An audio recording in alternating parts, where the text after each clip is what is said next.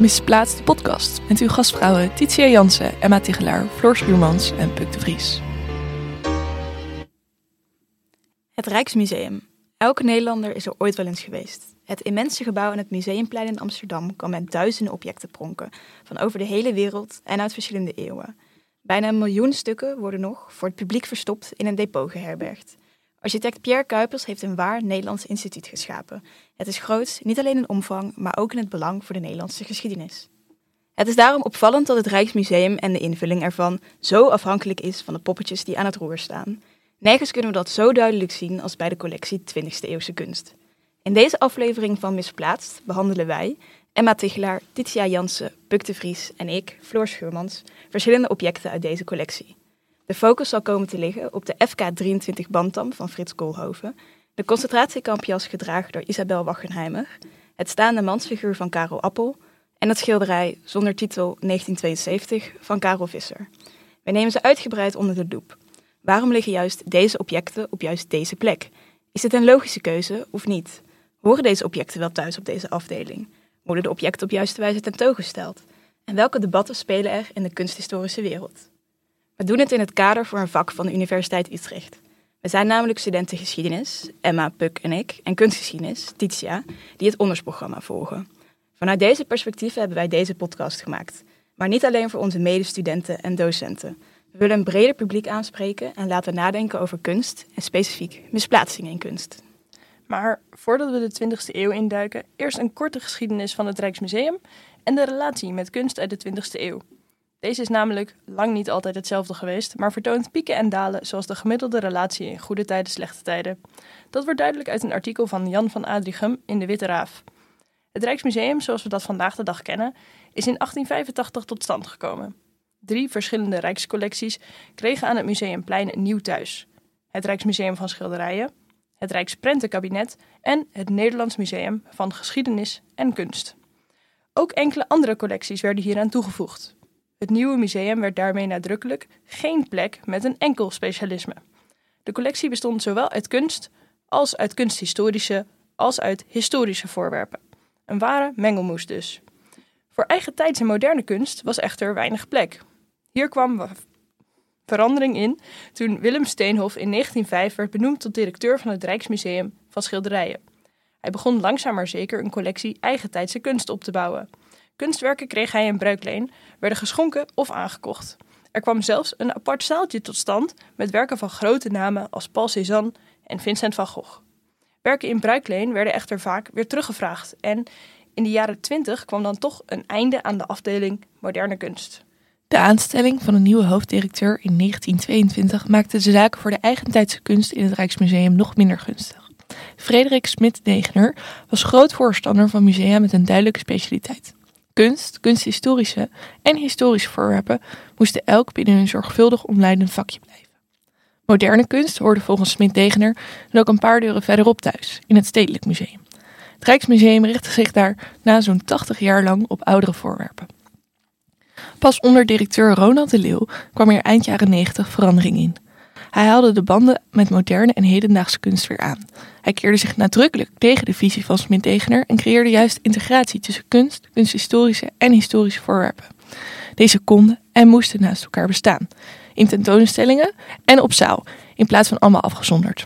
Ook werden nieuwe werken uit de 20e eeuw verworven.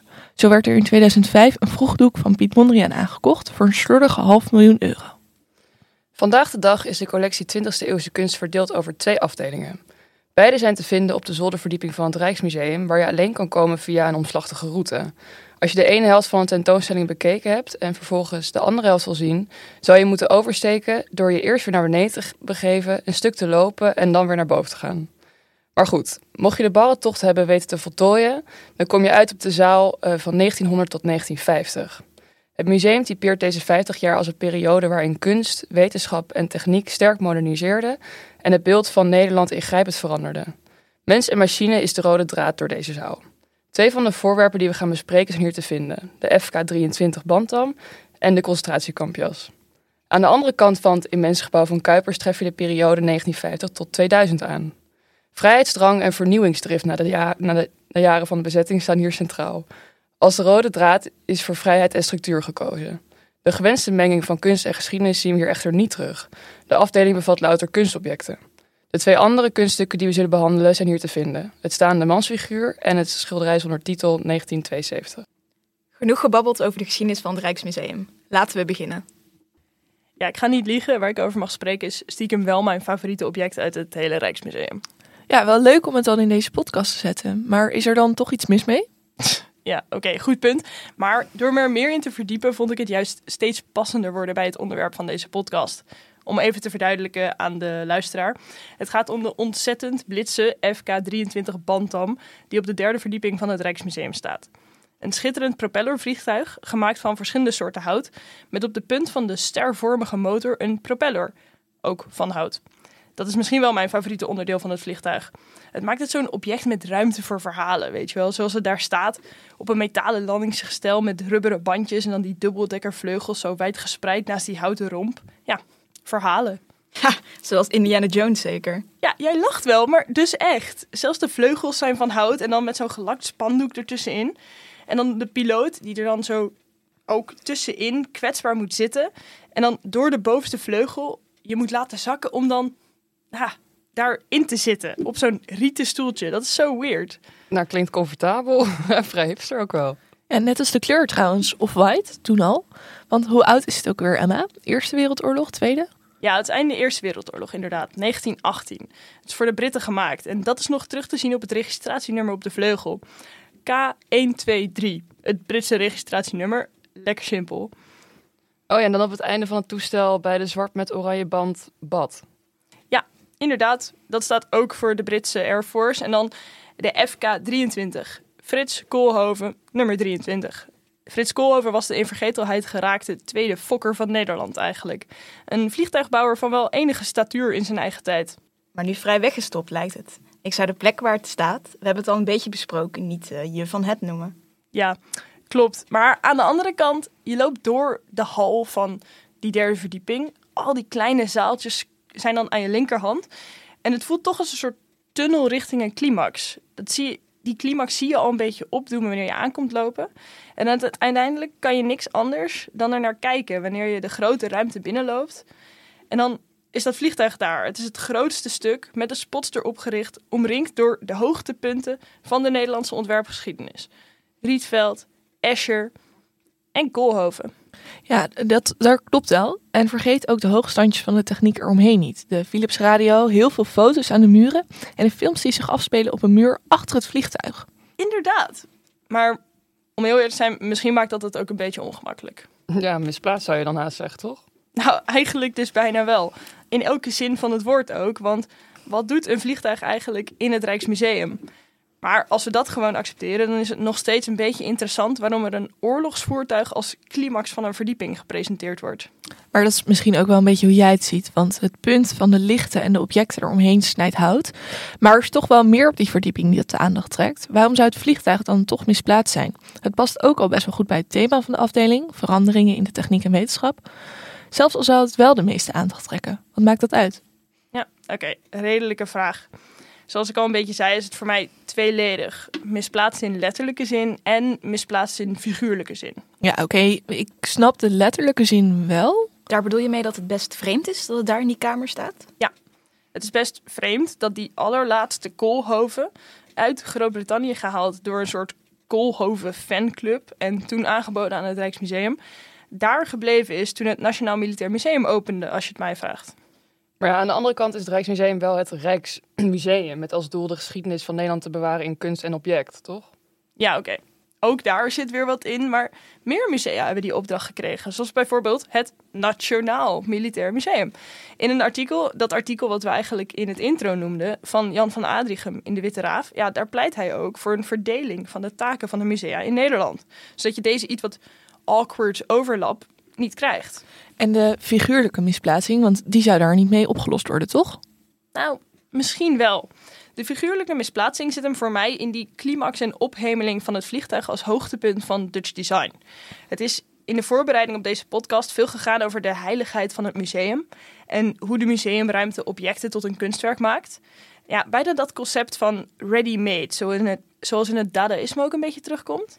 Ja, dat objecten dus in een museumstuk worden gewoon puur doordat ze in dat museum staan, zeg maar.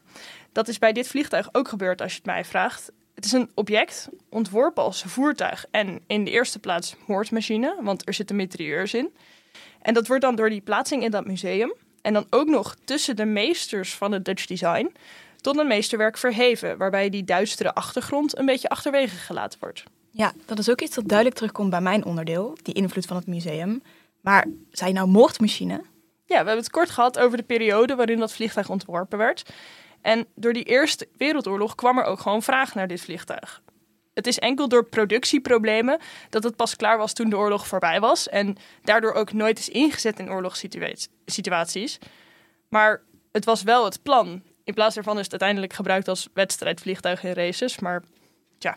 Hmm, Oké, dus het is echt wel een zwart randje aan het design. Omdat het met een bepaalde intentie gemaakt is. Ja, aan de ene kant.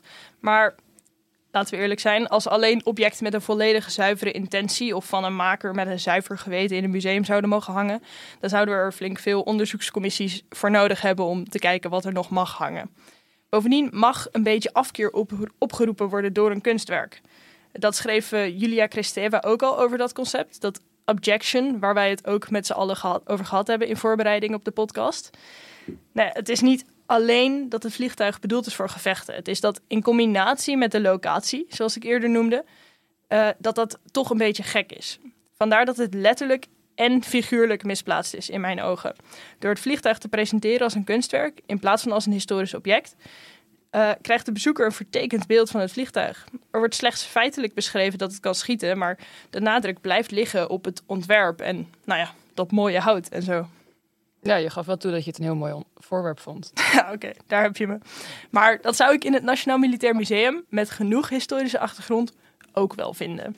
Want dat is dan jouw oplossing? Gewoon verplaatsen die handel? Ja, dat schijnt dus heel lastig te zijn. Uh, hoewel het mijn voorkeur heeft, zijn er misschien andere opties mogelijk. Idealiter volg ik Jan van Adrichem grotendeels. In ieder geval in dat dit vliegtuig goed tot zijn recht zou komen in het Nationaal Militair Museum. En dat beide musea daar in mijn opzicht beter van zouden worden. Maar een alternatief is bijvoorbeeld dat het Rijks een iets meer immersive museum experience creëert. Zoals uh, Ladislav Kessner ook beschreven heeft. Die spreekt over de opkomst van museumervaringen en hoe de bezoeker steeds meer betrokken wordt bij het object. Naar mijn idee is dat met een vliegtuig heel goed te doen door bijvoorbeeld, weet ik veel, windturbines erbij te plaatsen of een filmpje van het vliegtuig in gebruik, dat soort zaken. En in die ervaring zou dan heel goed de historie en het doel van het vliegtuig gebruikt kunnen worden, zodat de bezoeker het ziet voor wat het is: een schitterend staaltje design en een verschrikkelijk wapen. Ja, dat is nu wel duidelijk, Emma. En jij zou wel willen meedenken in het proces, toch? Ja, altijd. Ik denk dat die immersive experience ook wel bij meer objecten van toepassing kan zijn. Uh, om zo'n misplaatsing in het museum tegen te gaan. Ja, dat is inderdaad. Dat wat me ook opviel bij het kampjasje waar Puk meer over uitgezocht heeft. Hier valt op dat zo'n beladen geschiedenis ook haast volledig kaal aangeboden wordt, zonder de bezoeker eigenlijk aan de hand te nemen. Dat klopt wel, Titia. Op zaal 3.1 vinden we namelijk een apart stuk met plek voor objecten uit de Tweede Wereldoorlog. Aan onze linkerhand zien we het concentratiekampjasje, gedragen door Isabel Wagenheimer in het Oostenrijkse concentratiekamp Lenzing-Pettighoven. Dit was een werkkamp. De wollen jas heeft een grijs met blauw gestreept patroon, een kraag en vijf knopen op het linkervoorband. Op de rechterborst is een strook gestikt waarop met blauwe inkt het nummer is gestempeld. H918. Dit is een kampnummer wat het mensonterende karakter van de Shoah versterkt. Wat is de Shoah eigenlijk en waarom gebruiken we geen holocaust? Ja, dat vind ik een goede vraag, Titia. De Shoah is een Hebreeuwse naam voor holocaust. Vanuit respect voor de nabestaanden is het gebruikelijker om deze term te gebruiken. Holocaust is namelijk Grieks voor brandoffer aan de goden en Shoah betekent catastrofe in het Hebreeuws. Staat net wat netter. Oh, wat interessant. Ik wist het helemaal niet. Nooit zo over nagedacht eigenlijk dat een benaming ook een verschil kan maken. Maar vertel, wat maakt dit jasje zo bijzonder? Nou ja, op het eerste oog lijkt het een doorsnee kampjasje. Maar wat deze bijzonder maakt is dat de binnenkant anders is. In de kraag staat namelijk de familienaam Waggenheimer. Dit heeft Isabel zelf weer ingemaakt.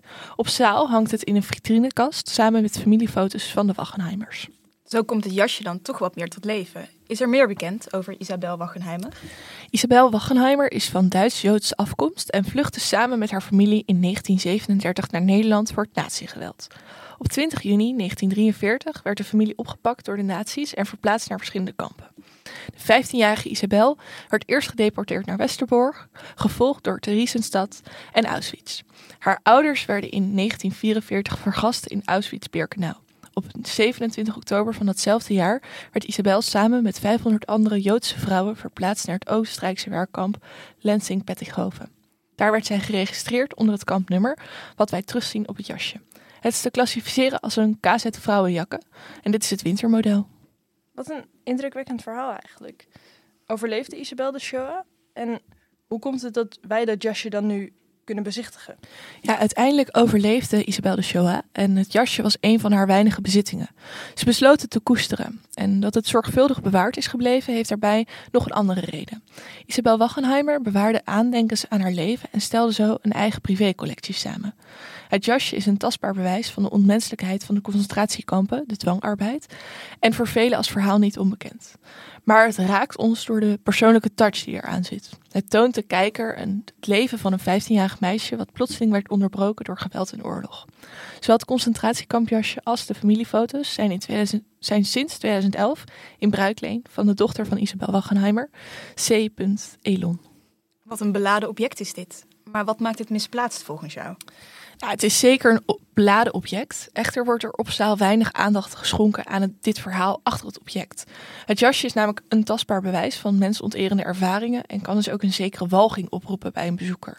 Zeker als je net wat meer abstracte kunst hebt gezien, zoals de schilderijen van Karel Visser, of juist een dagelijks voorwerp, zoals een vliegtuig.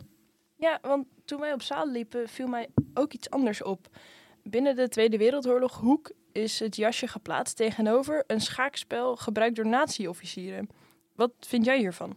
Ja, dat was voor ons allemaal denk ik wel even een, een raar moment. Is deze tegenstelling namelijk niet te groot en wordt geweld hier niet op een bepaalde manier verheerlijkt? Menselijk lijden was het een beetje tegenover menselijk vermaak. Echter ligt dit in mijn optiek gecompliceerder.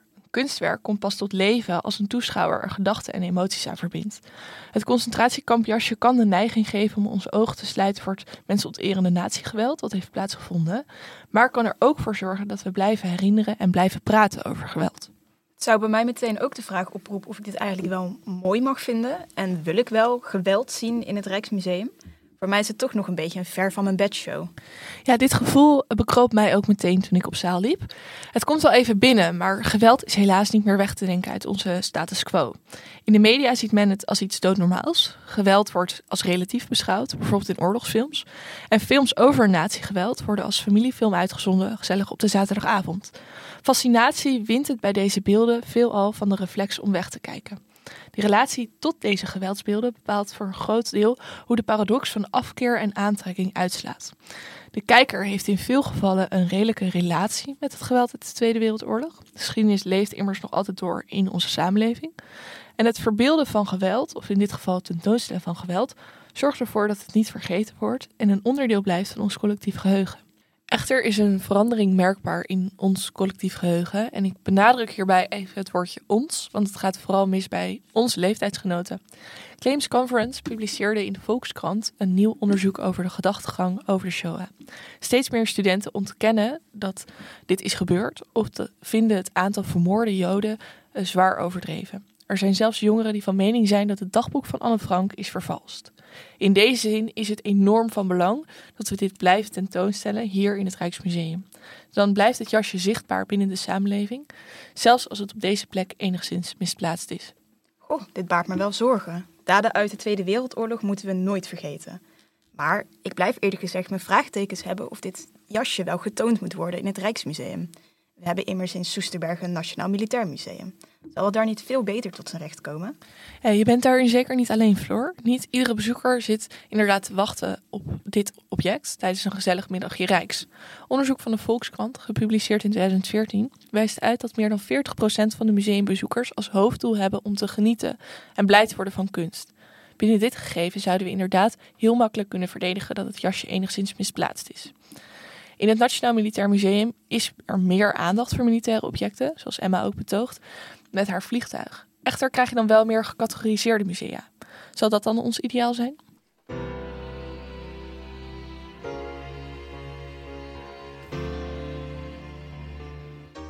We zullen nu even een sprongetje maken in de tijd naar het einde van deze verschrikkelijke oorlog.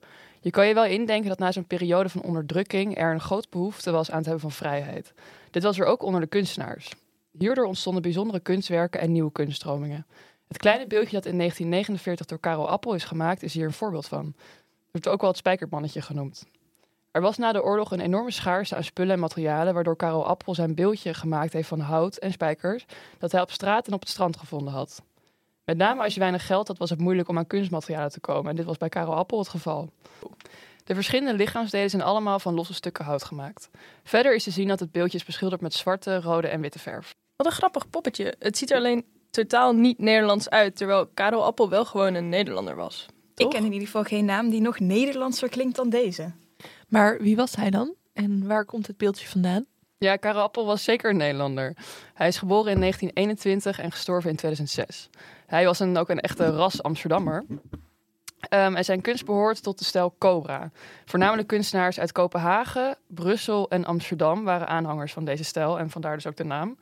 Ehm, en het was een beweging ontstaan na de Tweede Wereldoorlog, waarbij vrijheid van creativiteit en vrijheid van het individu erg belangrijk was. Ehm, de kunstenaars schilderden op een directe en spontane manier. En Karel Appel heeft zelf wel eens letterlijk over zijn werk gezegd: eh, Ik rotzooi maar wat aan. De aanhangers van Cobra wilden met hun kunst terugkeren naar de bron van het scheppen. Om zo los te raken van de remmende, ingesleten regels van de Westerse Kunstacademie.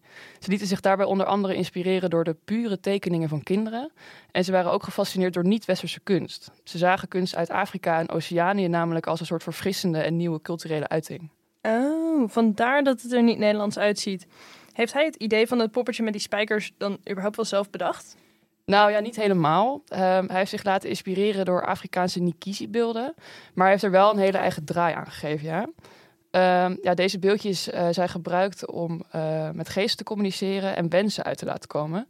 Er werden magische ingrediënten in de beeldjes gestopt, zoals de kop van een slang, eh, of een oog van een arend, of de haren van een jachthond bijvoorbeeld. Ehm, en dan werd het beeld als het ware geactiveerd door scherpe voorwerpen, zoals spijkers erin te slaan. Maar Karel Appel heeft deze spijkers in zijn werk op een hele andere manier gebruikt. Hij heeft er namelijk, zoals je ziet, eh, hoofdhaar en schaamhaar mee weergegeven. Ehm, en daarnaast zagen de echte Nikisi-beelden er ook heel anders uit. Ehm, de spijkers zaten namelijk voornamelijk in de romp van het lichaam. En ehm, ze zijn ook niet gemaakt van losse stukken hout. En eh, ze werden ook met, niet met dit soort patronen beschilderd. Ze hadden ook geen kleur of eh, vrij eentonige kleuren. Wat een interessant verhaal. Wordt er eigenlijk nog iets gezegd in het Rijksmuseum over dat de echte beeldjes er zo anders uitzien? Nou ja, niet echt nee. Als we naar het tekstbordje kijken, zien we alleen een hele korte uitleg over Cobra. En dan staat bijvoorbeeld ook dat Karel Appel, zoals ik net al zei, eh, naar voorwerpen keek uit Afrika en Oceanië. Omdat hij ze een voorbeeld vond van onbedorven creativiteit en levensdrift, die de basis zou moeten vormen van kunst in een vrije samenleving.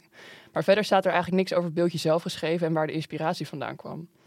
Het is belangrijk om op te merken dat de tekst is geschreven vanuit het oogpunt dat de mensen toen er tijd hadden over niet-westerse kunst en cultuur. En toen werden inheemse culturen gezien als simpel, eh, woest en primitief. Maar de mensen werden ook eh verheerlijkt als een soort nobele wilden die in volmaakt evenwicht met de natuur leefden. En zo dienen ze als een soort bewonderingswaardig contrast met de westerse wereld. Het beeldje is in deze context ongeveer 70 jaar geleden gemaakt. Eh, en is in de tussentijd is natuurlijk veel veranderd. Mensen onder andere kritischer gaan kijken naar de representatie van niet-westerse kunst in het Westen.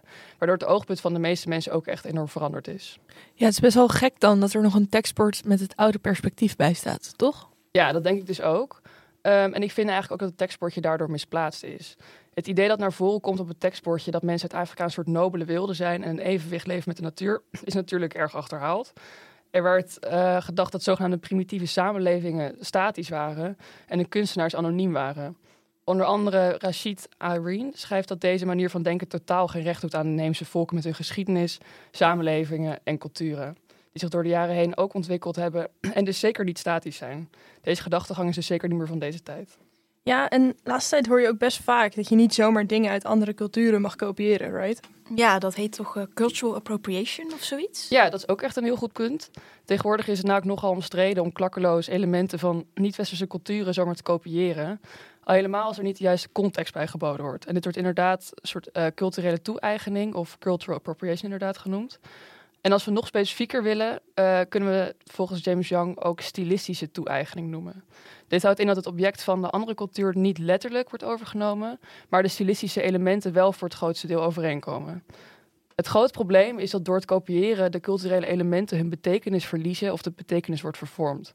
Dit gebeurt bijvoorbeeld wanneer een bepaald cultureel element oorspronkelijk een diepe betekenis had, maar nu wordt gebruikt als een soort exotisch entertainment. Ja, volgens mij was het, in het bij het Songfestival in 2012 toch ook sprake van. Toen droeg iemand tijdens een optreden een indianentooi. Zo, dat is, dat is lang geleden. Ja, ik kan me nog wel herinneren dat in Amerika veel mensen toen vonden dat een onderdeel van de cultuur van Native Americans eigenlijk gebruikt werd voor platte showbusiness.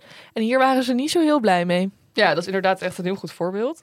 Ja, je zou eigenlijk kunnen zeggen dat bij het beeldje van Karel Appel hier ook sprake van is. Want zoals ik al zei, heeft Karel Appel inspiratie gehaald uit die Afrikaanse Nikisi-beelden die bij rituelen gebruikt werden. Maar hij heeft dus eigenlijk een hele eigen draai aangegeven door de spijkers te gebruiken voor de weergave van haar op het poppetje. Ook zien de echte Nikisi-beeldjes er dus heel anders uit. Het oorspronkelijke doel van de spijkers en daarmee ook de betekenis van het beeld is helemaal weg. Het wordt nu enkel gebruikt voor entertainment van de museumbezoeker. Er kan dus beargumenteerd worden dat er dus eigenlijk sprake is van een soort culturele toe-eigening. Maar is het dan niet misschien beter om een beeldje niet tentoon te stellen? Nou, dat vind ik dan weer niet. Um, in de tijd dat het beeld gemaakt werd, zaten er namelijk geen kwade bedoelingen achter. Maar was het in principe gewoon acceptabel. Het heeft daarnaast ook niet echt zin om je kop in het zand te steken wanneer het om onderwerpen uit de geschiedenis gaat die gevoelig kunnen liggen. Het is helaas nou eenmaal gebeurd, dus we moeten er ook over blijven praten. Het is in mijn optiek daarom wel heel belangrijk dat er vanuit het huidige tijdsperspectief naar dit soort objecten gekeken wordt, zodat er veel van geleerd kan worden. Het Rijksmuseum heeft er echter voor gekozen om het beeld te beschouwen vanuit het oogpunt uit 1949. En dat is in mijn ogen dus misplaatst, omdat ik, zoals ik al zei, uh, onze kijk op de niet-westerse kunst en de imitatie hiervan door de jaren heen erg is veranderd. Het oude idee dat mensen uit, in Afrika een soort nobele, wilde en primitief waren, doet geen recht aan de geschiedenis en cultuur van de inheemse bevolking. Daarnaast zouden we dus nu over het beeldje van Karel Appel zeggen dat het een vorm is van culturele toe-eigening. Maar hier wordt door het Rijksmuseum niks over geschreven. Ik denk dat dit zeker wel benoemd zou moeten worden.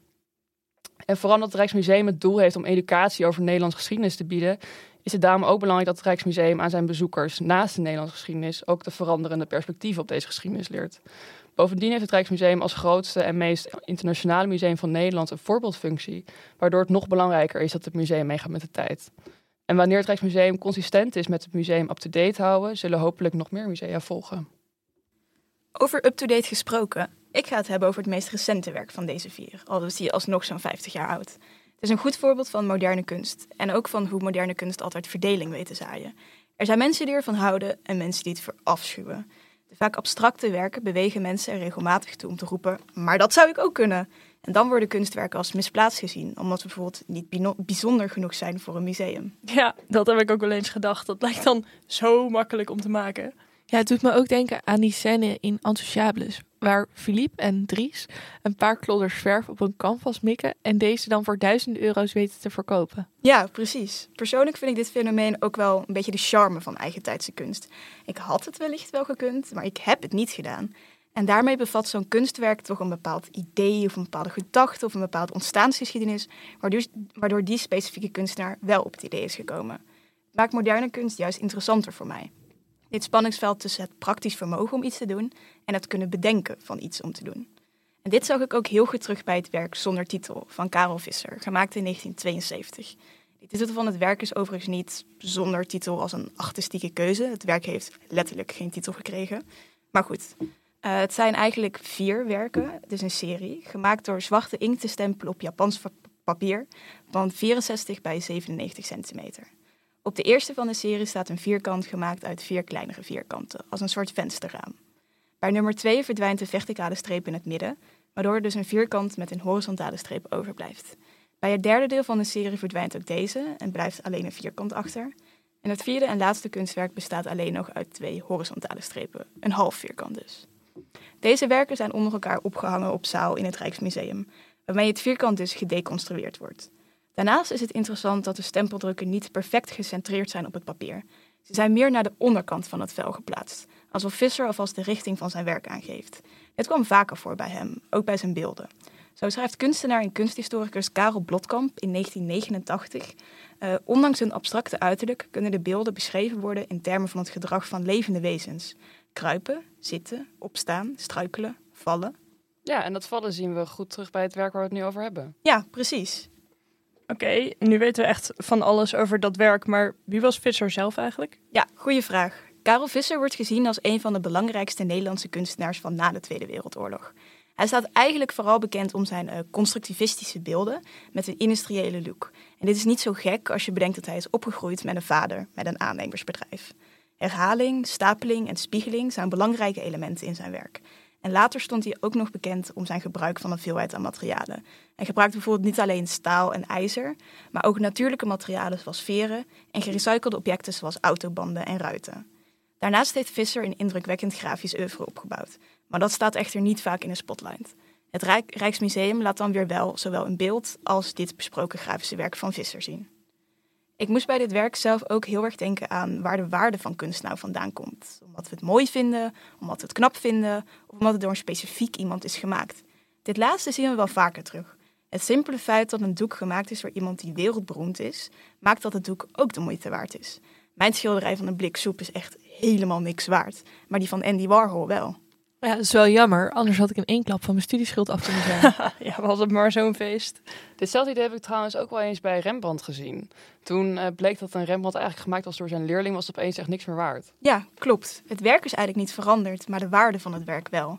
Daaruit blijkt dat kunst niet per se een intrinsieke waarde heeft. Hoe bijzonder of goed we een werk achten, ligt aan veel meer factoren dan puur het werk zelf. Visser is bijvoorbeeld een bekende en geroemde beeldhouwer, dus hechten we ook waarde aan zijn grafische werk. Ook een ander idee binnen de kunstwetenschappen en museologie past hierbij, die van de sacralisering van kunst en de sacraliserende werking van een museum. Over dit onderwerp is vaak en veel geschreven, bijvoorbeeld door de kunstenaar, econoom en socioloog Hans Abbing in 2008 en de antropoloog Nelson Grayburn schreef er in de jaren 1970 al over.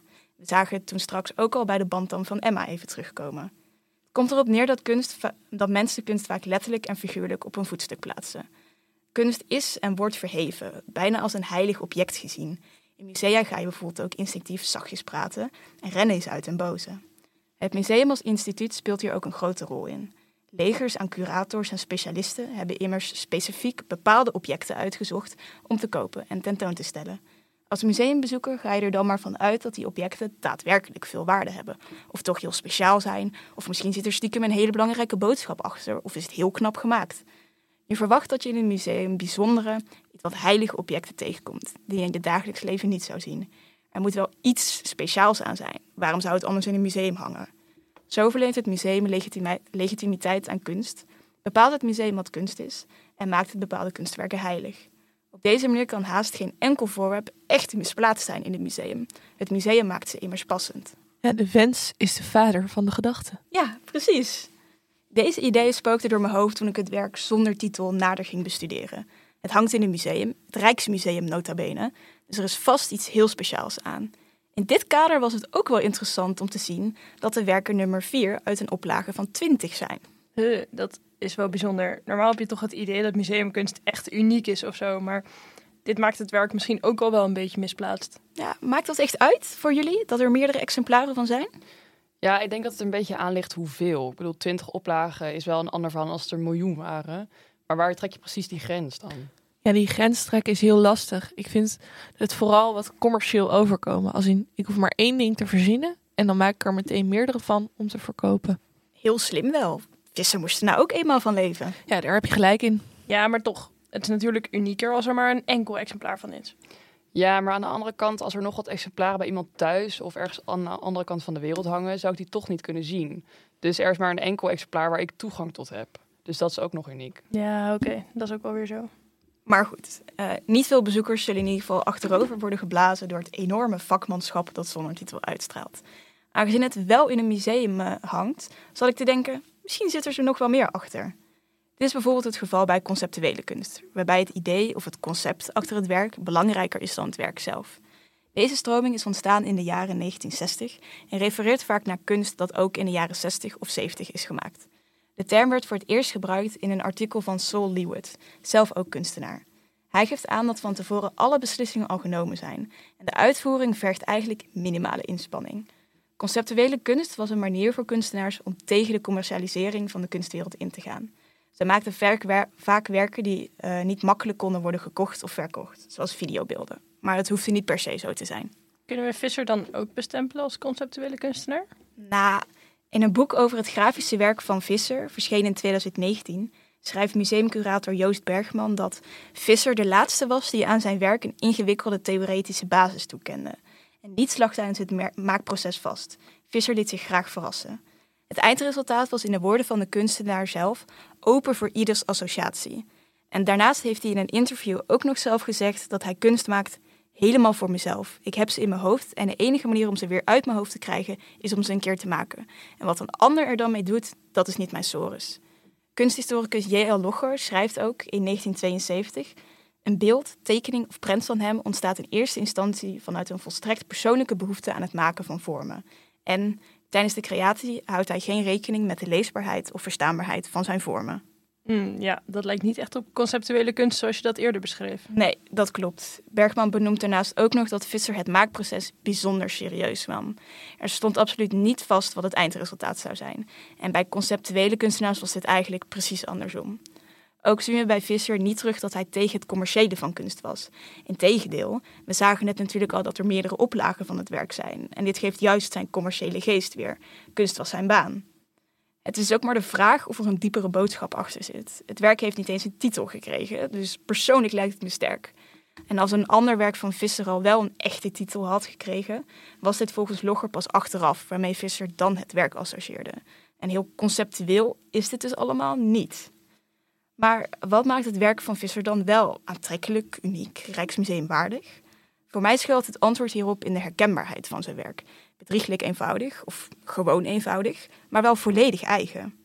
Hij heeft dit stempelen ontwikkeld door een karakteristiek eigen techniek, waarmee hij op een speelse en ontspannen manier allerlei variaties van stapelingen en verdubbelingen kan construeren, die alleen op het platte vak mogelijk zijn, aldus blogger. Zonder titel is dus niet een van die moderne werken waar een belangrijke boodschap achter zit. Het maakt volop gebruik van de sacraliserende werking van musea en de bekendheid van de maker om aanzien te genieten. De kracht van het werk zit hem in de herkenbaarheid. Ander grafisch werk van Visser zou je zo herkennen. Maar verder is het niet heel gek om het werk als misplaatst te bestempelen. Overdreven indrukwekkend is het niet en er zit ook geen krachtige boodschap achter. Mijn nichtje van vier zou het ook kunnen, maar ja, dan zou het natuurlijk weer niks waard zijn. Na al deze objecten onder de loep te hebben genomen, zien we dus dat er bij alle vier iets aan de hand is, waardoor er in onze ogen sprake is van misplaatsing in letterlijke of figuurlijke zin. We hebben het gehad over onderwerpen als de verheerlijking van iets gruwelijks door de plaatsing ten opzichte van andere werken, tot aan objecten die letterlijk in het verkeerde museum geplaatst zijn. Ook bespraken we een ouderwets tekstbordje dat niet meer van deze tijd is en een kunstwerk waarbij we ons af kunnen vragen of het überhaupt tot kunst gerekend kan worden. Ja, en daarbij moet natuurlijk wel opgemerkt worden dat wij voor het maken van deze podcast extra kritisch naar de werken hebben gekeken. De gemiddelde museumbezoeker die niet uren bij de werken stilstaat, zoals wij dat wel hebben gedaan, zal dit waarschijnlijk allemaal niet eens zijn opgevallen. Maar dat wil niet zeggen dat een museum daarom ook niks met deze informatie hoeft te doen. Als museum moet je altijd kritisch blijven kijken naar de manier waarop je je werken tentoonstelt. Ja, en zoals aan het begin werd gezegd, is het Rijksmuseum van huis uit geen plek voor moderne kunst. Moderne kunst is dus niet de grootste focus van het Rijks. Dit blijkt ook wel uit de locatie van de afdeling. Het is vrij weggestopt en lastig te bereiken. Daarnaast zijn de zalen eigenlijk veel te klein om de hele periode van 1900 tot 2000 door middel van kunst en historische objecten weer te willen geven. Door het gebrek aan ruimte en het feit dat moderne kunst niet de prioriteit van het Rijks is, is er waarschijnlijk niet heel lang stilgestaan bij de plaatsing van bepaalde werken en de manier waarop ze zijn tentoongesteld. Op zich is het ook wel begrijpelijk, maar wanneer dit soort redenen ervoor zorgen dat objecten niet geheel tot hun recht komen, zou er toch moeten worden nagedacht over alternatieven. In ons ideaalbeeld zouden een aantal stukken die we hebben besproken op een andere locatie tentoongesteld kunnen worden. Het Bantamstuk en het kampjasje zouden bijvoorbeeld ondergebracht kunnen worden in het Nationaal Militair Museum, waar de aandacht volledig gevestigd is op objecten uit de oorlog. Daarnaast zou er kunnen worden nagedacht uh, om het mannetje van Karel Appel te verplaatsen naar het Stedelijk Museum. Dit museum richt zich immers meer op de actualiteit en de toekomst in plaats van het verleden. Het huidige perspectief op niet-westerse kunst en de imitatie hiervan is daarom misschien meer een geschikt onderwerp voor dit museum dan voor het Rijks. En het werk van Karel Visser zou wellicht ook hier meer op zijn plek zijn of meer passen in een museum waar meer grafisch werk van hem hangt, zodat die herkenbaarheid duidelijker naar voren komt. Het verplaatsen van de werken is natuurlijk wel een erg radicale verandering en niet heel realistisch. Daarnaast zou het voor veel mensen waarschijnlijk geen gewenste oplossing zijn. Wat zouden wij er dan, binnen het Rijksmuseum, van maken? Nou ja, ik zou starten met meer achtergrondinformatie bieden. Ja, inderdaad. En dat zou bijvoorbeeld met filmpjes gedaan kunnen worden of zoiets. Ja, ja, ja. En dat biedt de mogelijkheid tot meer informatie, waardoor de gewelddadige items meer uitdieping krijgen en misschien minder misplaatst lijken. Het levert ook wat meer mogelijkheid tot inleving bij de bezoeker of zo. Ja, zoals bijvoorbeeld die windturbines bij het vliegtuig. Een immersive experience. Nou, misschien niet meteen dat, maar bijvoorbeeld gewoon een filmpje van het werk van Karel Visser, wanneer het werk gestapeld wordt of zoiets. Dat zou echt wel gaaf kunnen zijn. Ja, en dan komt het ook echt tot leven. Ja, er zou misschien ook nagedacht kunnen worden om verhalen van mensen te delen die in aanraking zijn geworden, gekomen met het object. Dit zou bijvoorbeeld bij het kampjasje goed kunnen, om zo het mensonterende karakter meer naar voren te laten komen. Ja, precies. En bij het spijkermannetje zou een filmpje zelfs misschien niet eens nodig zijn. Het zou genoeg kunnen zijn als het tekstbordje wordt aangepast, zodat het volledige verhaal van het beeldje duidelijk wordt. En dat de bezoeker begrijpt wat het hedendaagse perspectief op niet-westerse kunst is. Eens, eens. Misschien dat daar dan toch de sleutel ligt. Iets meer aandacht voor de achtergrond van het werk en aandacht voor de onwetendheid van de bezoeker. Ja, dat denk ik ook. En eh, het is ook enorm belangrijk dat een museum dus altijd kritisch blijft kijken naar de manier waarop objecten tentoongesteld worden. De directeur van het Rijksmuseum, Taco Dibbits, noemt dit ook. Hij zegt namelijk dat het van belang is dat we de eeuwenoude collectie van het Rijksmuseum steeds weer met een nieuwe blik bekijken en verrijken. Het museum is hier over het algemeen wel heel goed mee bezig. Met de slavernij-tentoonstelling in 2021 werden veel werken in een compleet ander daglicht geplaatst. Bezoekers leerden hierdoor over de donkere geschiedenis van de werken die bij velen onbekend was. Ook uh, is het museum in 2021 een onderzoek gestart naar de rol van vrouwen in Nederlandse cultuurgeschiedenis en hoe vrouwen gerepresenteerd worden in de museumcollectie. Hierdoor worden er nu voor het eerst vrouwelijke kunstenaars in de eregalerij getoond. Het Rijksmuseum is dus goed op weg. Maar ja, het kan altijd beter. Met deze podcast willen we daarom ook laten zien dat er nog veel ruimte is voor verbetering als we kijken naar de afdelingen over de 20e eeuw. Het Rijksmuseum zou er goed aan doen om iets langer stil te staan bij de plaatsing van bepaalde werken en de manier waarop deze zijn tentoongesteld. Ja, voor nu zijn we even uitgepraat. Bedankt voor het luisteren en misschien tot de volgende keer. Groetjes! Oh yeah.